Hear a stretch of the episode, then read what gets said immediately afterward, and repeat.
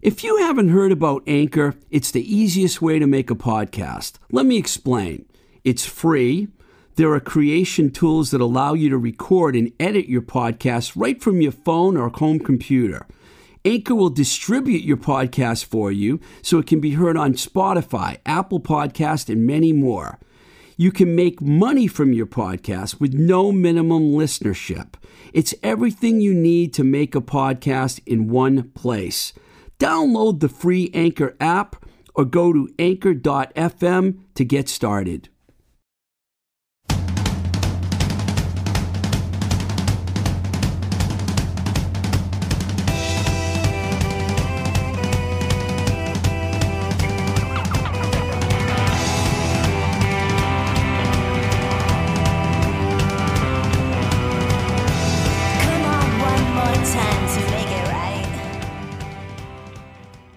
Welcome to the very first episode of Blowing Smoke with Twisted Rico, and I'm your host, Steve Ricardo.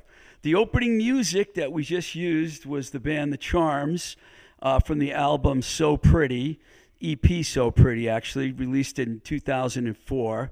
The lineup at that time featured Ellie V on vocals, Joe Wisda guitar, Pete Stone on bass, Jason Meeker on the drums, and Kat Keena on keyboards. It was recorded at New Alliance in Boston, Massachusetts by Nick Zampiello and Mark Schleicher. It's really exciting to get this podcast going here, and we're located actually at the Azorian Cafe in the Bloomfield section of Pittsburgh, which is it's funny because this is the Italian section of town, but we're at a Portuguese cafe, which is kind of cool. Um, the whole um the reason I got decided to do this podcast was uh, my friend Zach Shell from Baby Loves Tacos, which is also in Bloomfield down in this section, started talking to me a few months ago about you should do a podcast. You know, it would be cool. You know, people want to hear your stories. You know, and and I looked into it a little bit, and I ended up doing another podcast, and it was it went really well. So I figured, you know what, this is something I always wanted to do. So away we go. My producer G suggested I give you a little bit of history about my musical background for people that don't know me.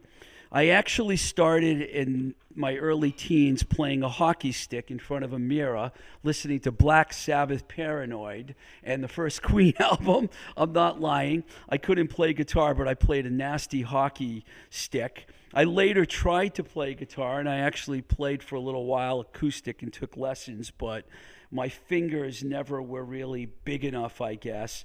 Don't, no small hands jokes, please, but my hands are kind of small. If you notice, some of the really great guitar players have huge hands, and it's really easy for them to maneuver. So, but that didn't work out, but I decided I wanted to be behind the scenes in the business. And that kind of started when I was like 17 years old. I got a job working as a barback at a club in Leicester, Massachusetts, close to where I grew up in Webster, Mass.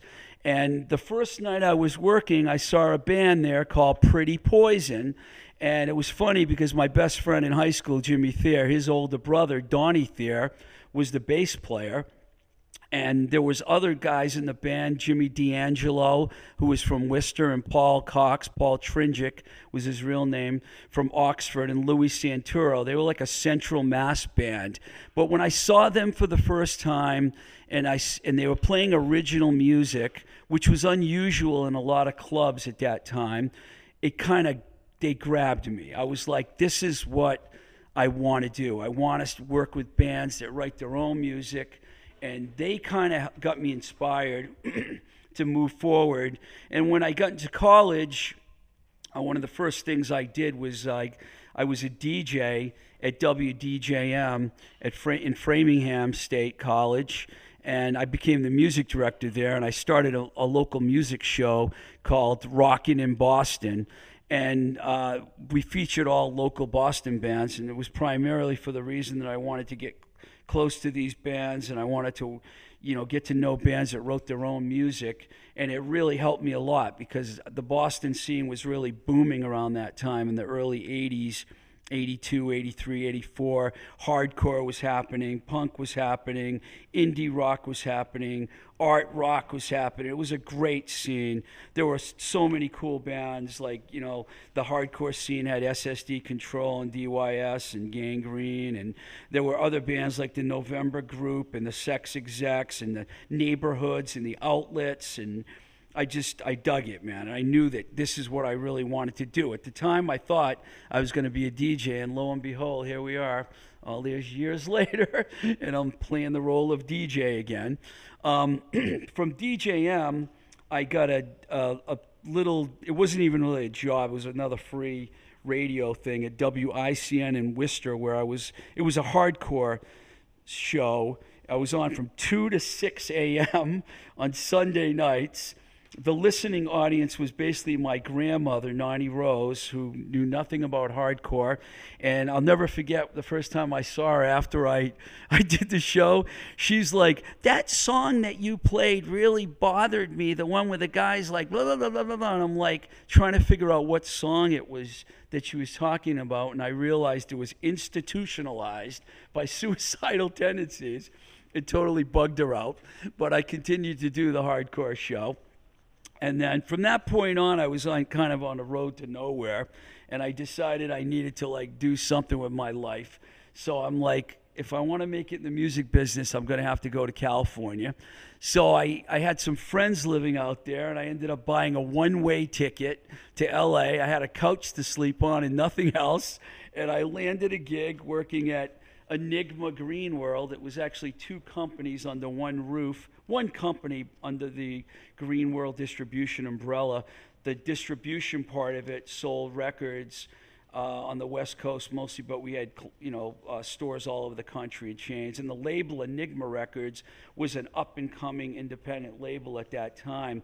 I started selling records on the phone when Paul Marotta who was the sales manager there, who, who played in a ton of great Cleveland bands like the Electric Eels, the Styrenes, uh, Mirrors, and he also wrote songs that um, other bands like Pere Ubu recorded. So it was real. He was from Cleveland, so it was a real honor for me to be working for Paul.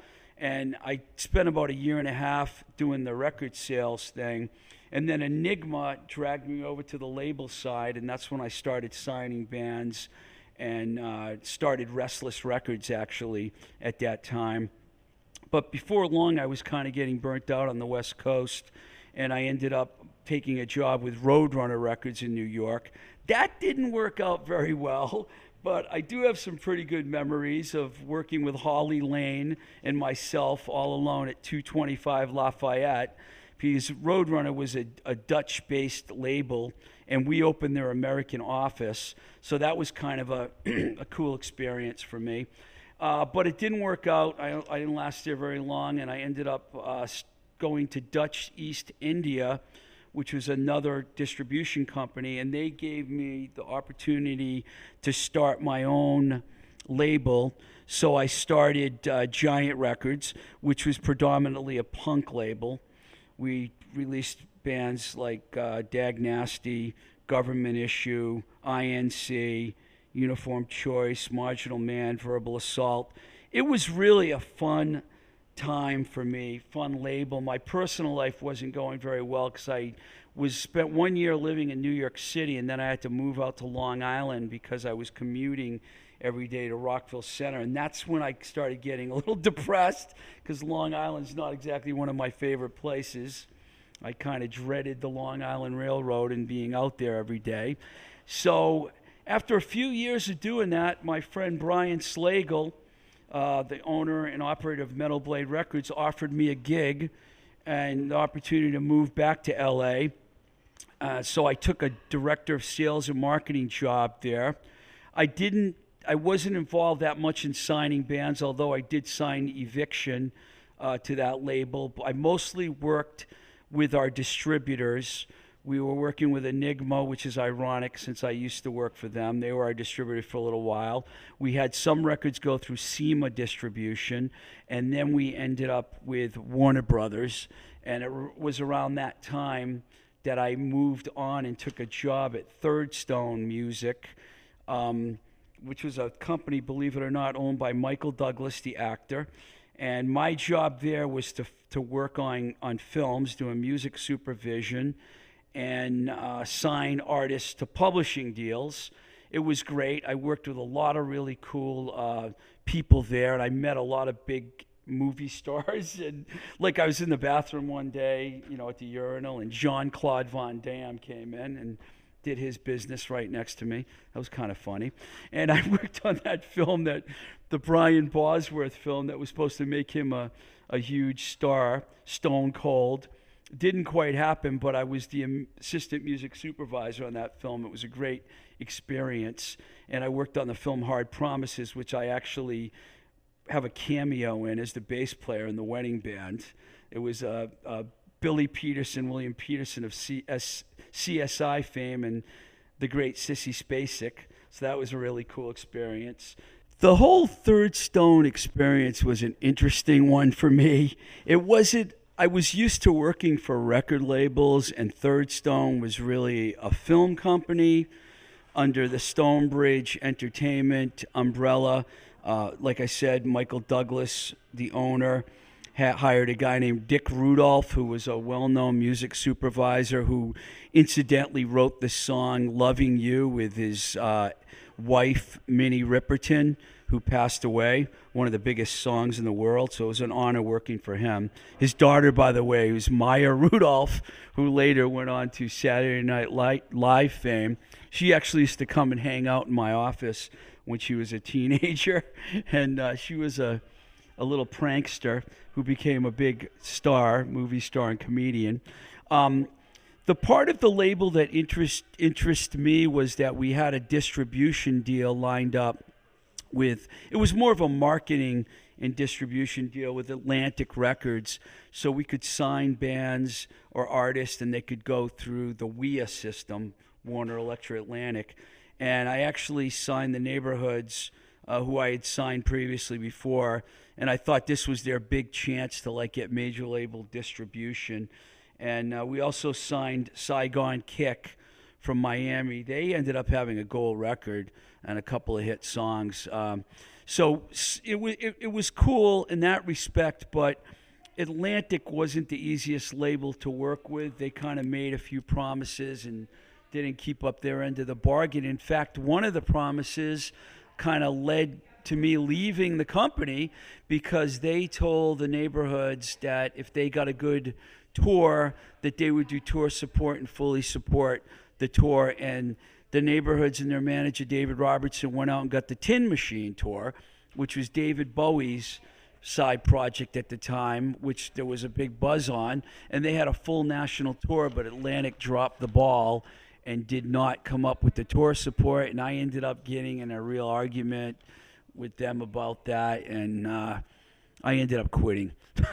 I kind of like figured that it was going nowhere. I walked away from a very lucrative contract, but at that point in my career, I was pretty young still, and I felt confident that I could get another job. And so for a little while, a couple months, I kind of did some other kind of work like some consulting and things. And then one day I ran into Brian Huttenhower, who's like a was a big A&R guy over at A&M Records, and he had signed uh, the Gin Blossoms, Extreme, and Soundgarden, and then Damn the Machine and Paw and a few other bands. And we, we started talking. He said, "Would you be interested in being like an A&R consultant for me?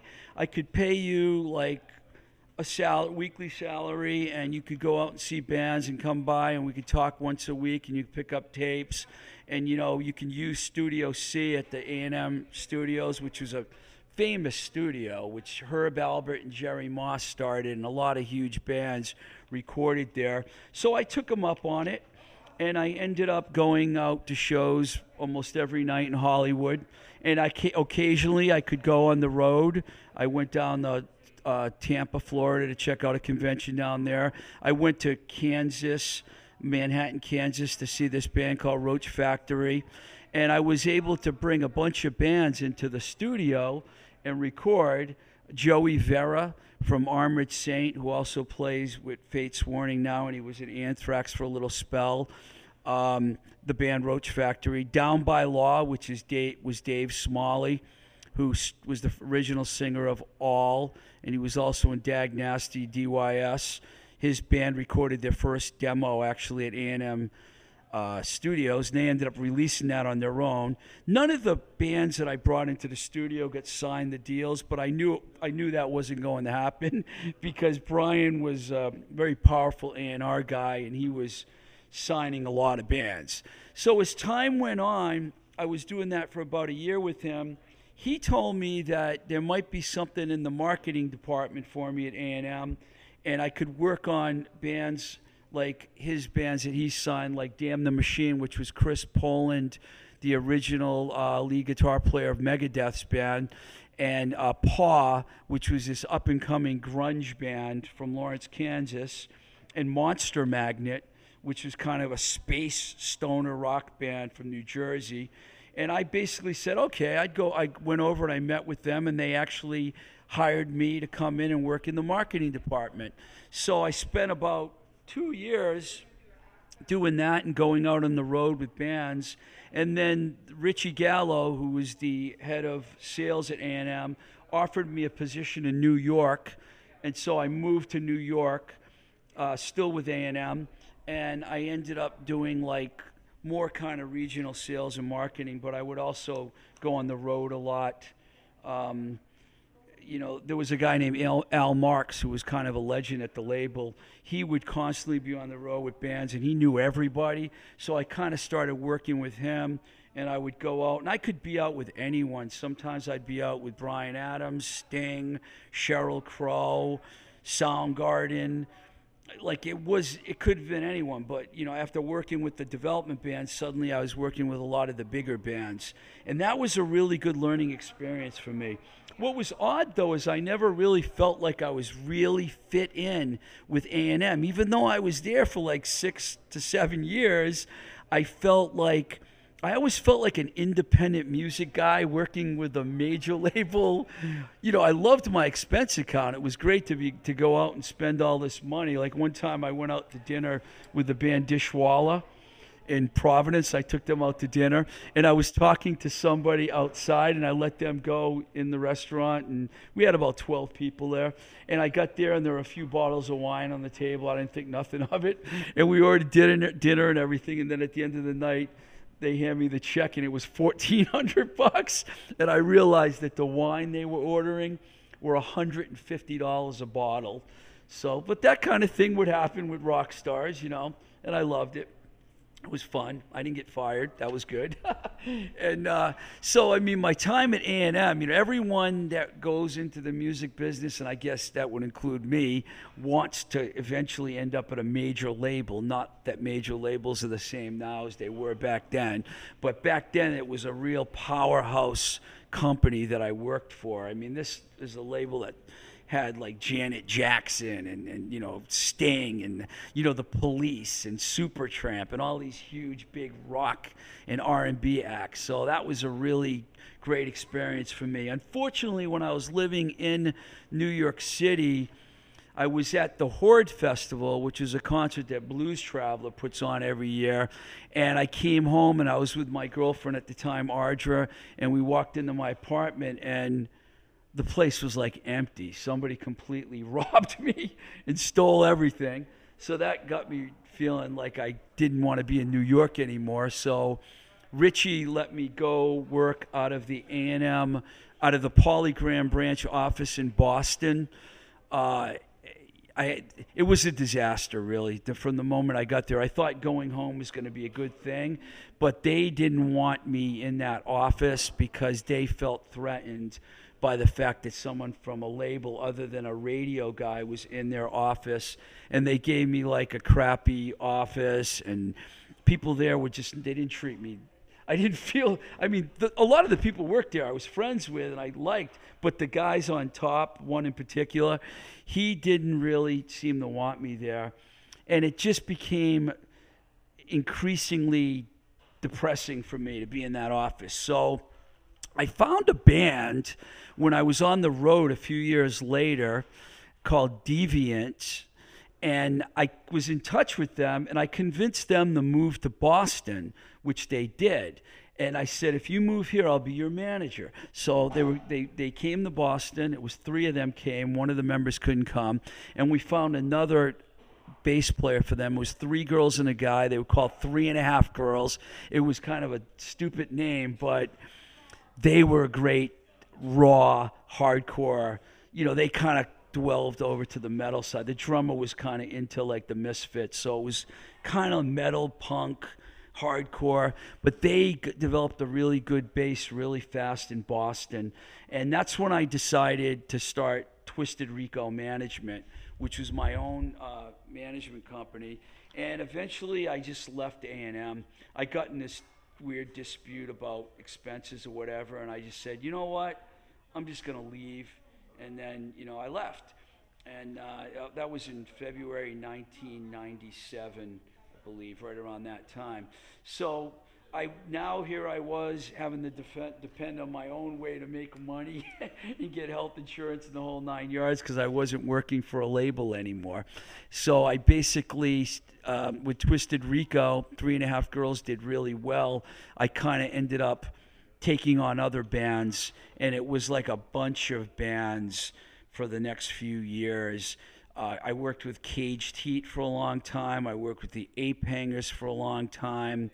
There, there's so many of them. I don't know how to name. I can't even name them. Flexi, and then while I was working with Flexi, their guitar player, uh, one of the two guitar player singers, Lev, uh, gave me a tape of a side project she had, The Charms. And when I heard it, I was completely floored by it. And I ended up immediately saying, I want to manage your band. And we did a lot of great things together. Uh, made, I managed them for years. I guess I'm still their manager. They're kind of on a hiatus because, you know, a few of the members had kids and other things, but they had a really good run where they toured the country with they, op- they did a tour opening for the New York Dolls. They toured with Ian Hunter and the Zombies. They toured with the Romantics. They opened a bunch of shows with Cheap Trick. They played the Underground Garage Festival in New York. Uh, they had a ton of songs that were placed on um, TV shows, movies. I had other bands too, like Caged Heat.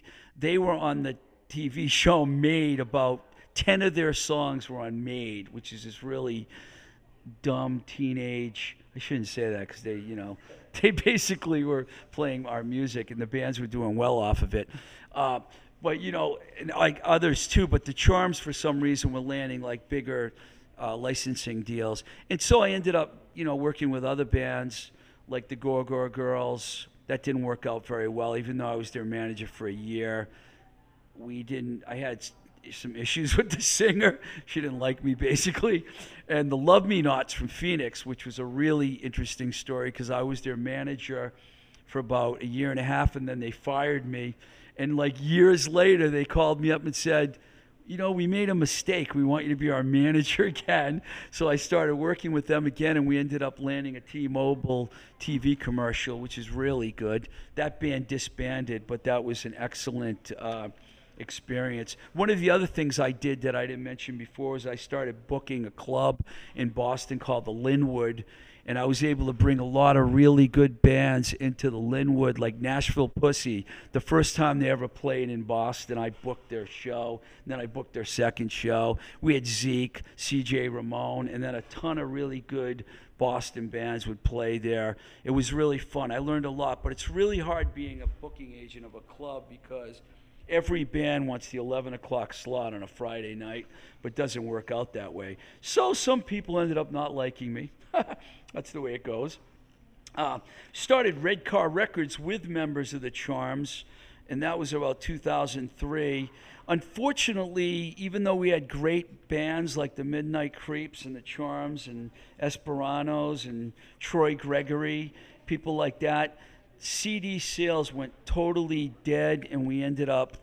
It was really bad. I felt bad because we had a few people invest in the in the company, and it was just the timing was really bad. We just could not we kept it going. It was like one of those things where next month it's going to get better, next month it's going to get better. But the problem is, it never got better. It just got worse, and we couldn't really capitalize on our efforts. Um, nevertheless, I'm proud of the work that we did at Red Car Records, which you know simultaneously ran that with Twisted Rico Management. So that took up a big chunk of time for me from about 1998 till about 2011, and then you know the the red bolt doing both of them at during a large part of that. Um, and you know, so as the industry started to get difficult for me and to, to, to stay in because it was hard to make a living, I started doing other things. I started having to work really weird jobs. I worked at Harvard University for five years part time in the molecular cellular biology department, which is hilarious because I know nothing about science, but I did it. the money was good. I did I did everything from like delivering bread to restaurants, baking bread, working for a uh, UNFI, which I would stock shelves in stores. Uh, so, sold, I sold tickets for trolley tours both in Boston and in Pittsburgh. Uh, just anything I could do to survive. And I guess that would bring us to where we are right now, which is at the lovely Azorian Cafe. uh, not that we left in the last you know half hour, but we're still here. Um, been working on a couple books. I did. I actually was interviewed for a book, which was kind of cool. Someone's writing a book about the Dag Nasty Field Day record, which is a really interesting project I worked on, and that kind of inspired me. So I've been kind of doing this project called 20 Records that blew me away, and I'm I, it's a it's it's a real it's a I'm taking a lot on with it because I want to interview people that had something to do with all 20 of the records. So it's a time consuming thing. I'm very excited about the projects I've been working on, and, and I'm glad that I was able to just give you a, hist- a brief history of my career. But what I want this podcast to be about is current rock and roll things that are happening, as well as interviews. We'll be interviewing a bunch of people as we go along. And um, there's so many great topics that we can hit on, and I want to hit them all. As a matter of fact, I want to talk to you about something that's been bugging me for a long time the Rock and Roll Hall of Fame.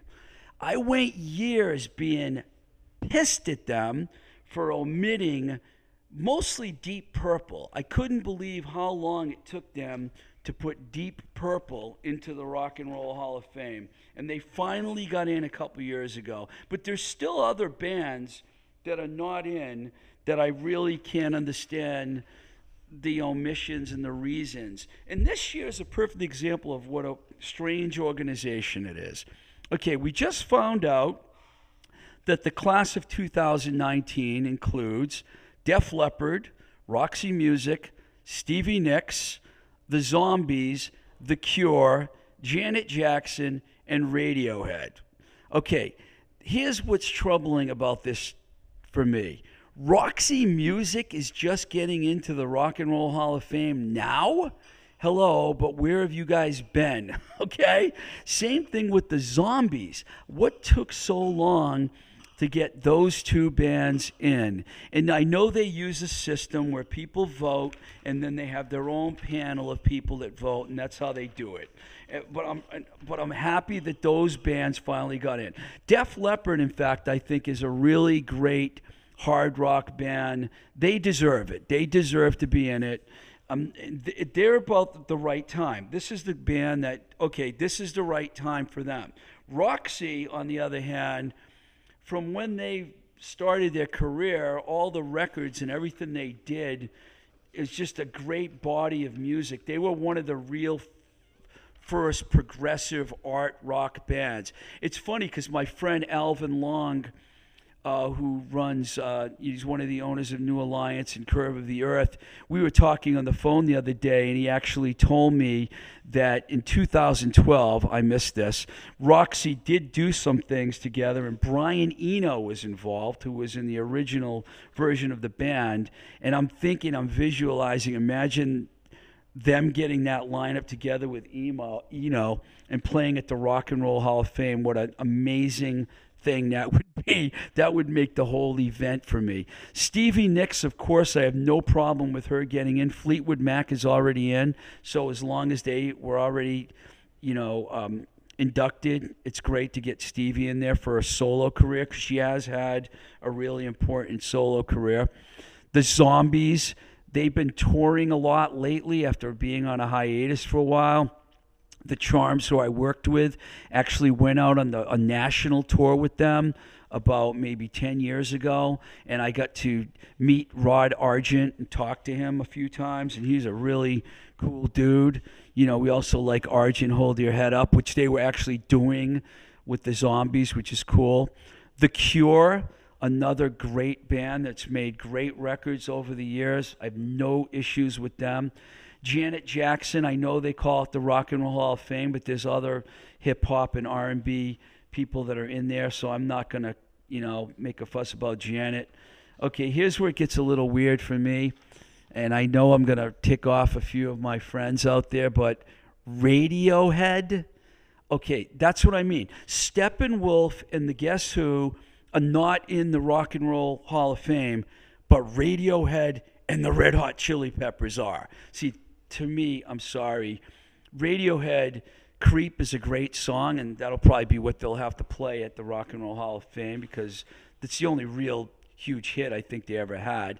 But they're a bore fest, far as I'm concerned, and I can already hear the emails coming in on my account. I'll give you my email address, so if you want to bust my chops, you know, you can hit me at twistedrico at gmail.com and you could tell me I'm an ass for criticizing Radiohead, but I'm doing it anyways because I don't look at them as one of the greatest rock bands ever, like I look at Deep Purple, who took about 25 years from when they stopped playing uh, to, to get in the Rock and Roll Hall of Fame. And the fact that the Guess Who is not in there, come on, is Creep a bigger hit than American Woman? I mean, I don't think so. Not that it's all about hits, but I'm a little offended by this. Nevertheless, the live event is going to take place on March 29th at the Barclays Center in New York City.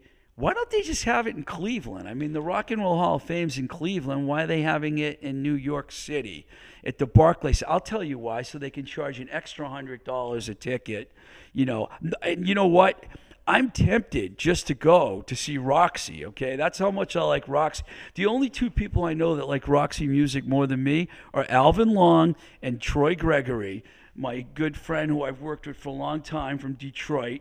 Probably know Troy from he was in bass player in Flotsam and Jetsam, bass player in Prong, bass player in the Dirt Bombs for years. Put out a ton of Witches records, a uh, ton of solo records. He loves Roxy music. When him and I start talking about Roxy, we have these like 30 minute conversations about Roxy, and then we'll talk about something else. Then we'll have another 30 minute conversation. Anyways, I think you're getting the message here. I love Bryan Ferry and Roxy music. Even though my favorite music critic of all time, Lester Bangs, Creem Magazine, couldn't stand Roxy music. He dissed them said Bryan Ferry was ordinary. He said he was at a party with him one time and he saw Bryan Ferry standing there and he had a suit on. He's like, "There's nothing rock and roll about this guy." Personally, I think he's one of the great mood singers of our time. So, okay, that's my little rant, good and bad, about the Rock and Roll Hall of Fame. Another thing I want to mention is Chris Doherty, the lead singer and guitar player of one of the great hardcore bands in American history, great American hardcore bands, Gang Green. A friend of mine suffered a stroke uh, a little while ago. He's been in rehab. I hear he's doing a little better, but uh, you know, getting the medical bills and everything paid are going to be a problem. So some of the people, Alec Peters, who was the manager of Gang Green, and a few others are putting together a benefit for him at the Paradise Theater in Boston on January 11th. And man, if they put together a hell of a lineup for this one, Slapshot, Tree, the FUs, Worm, Evan Dando of the Lemonheads, Unnatural Acts, They Saved Hitler's Brain was their big hit, you might remember. The Dogmatics, White Dynamite. I was a little surprised when I saw White Dynamite on the bill. A couple of guys from Roadside, Dave from Random Road Mother.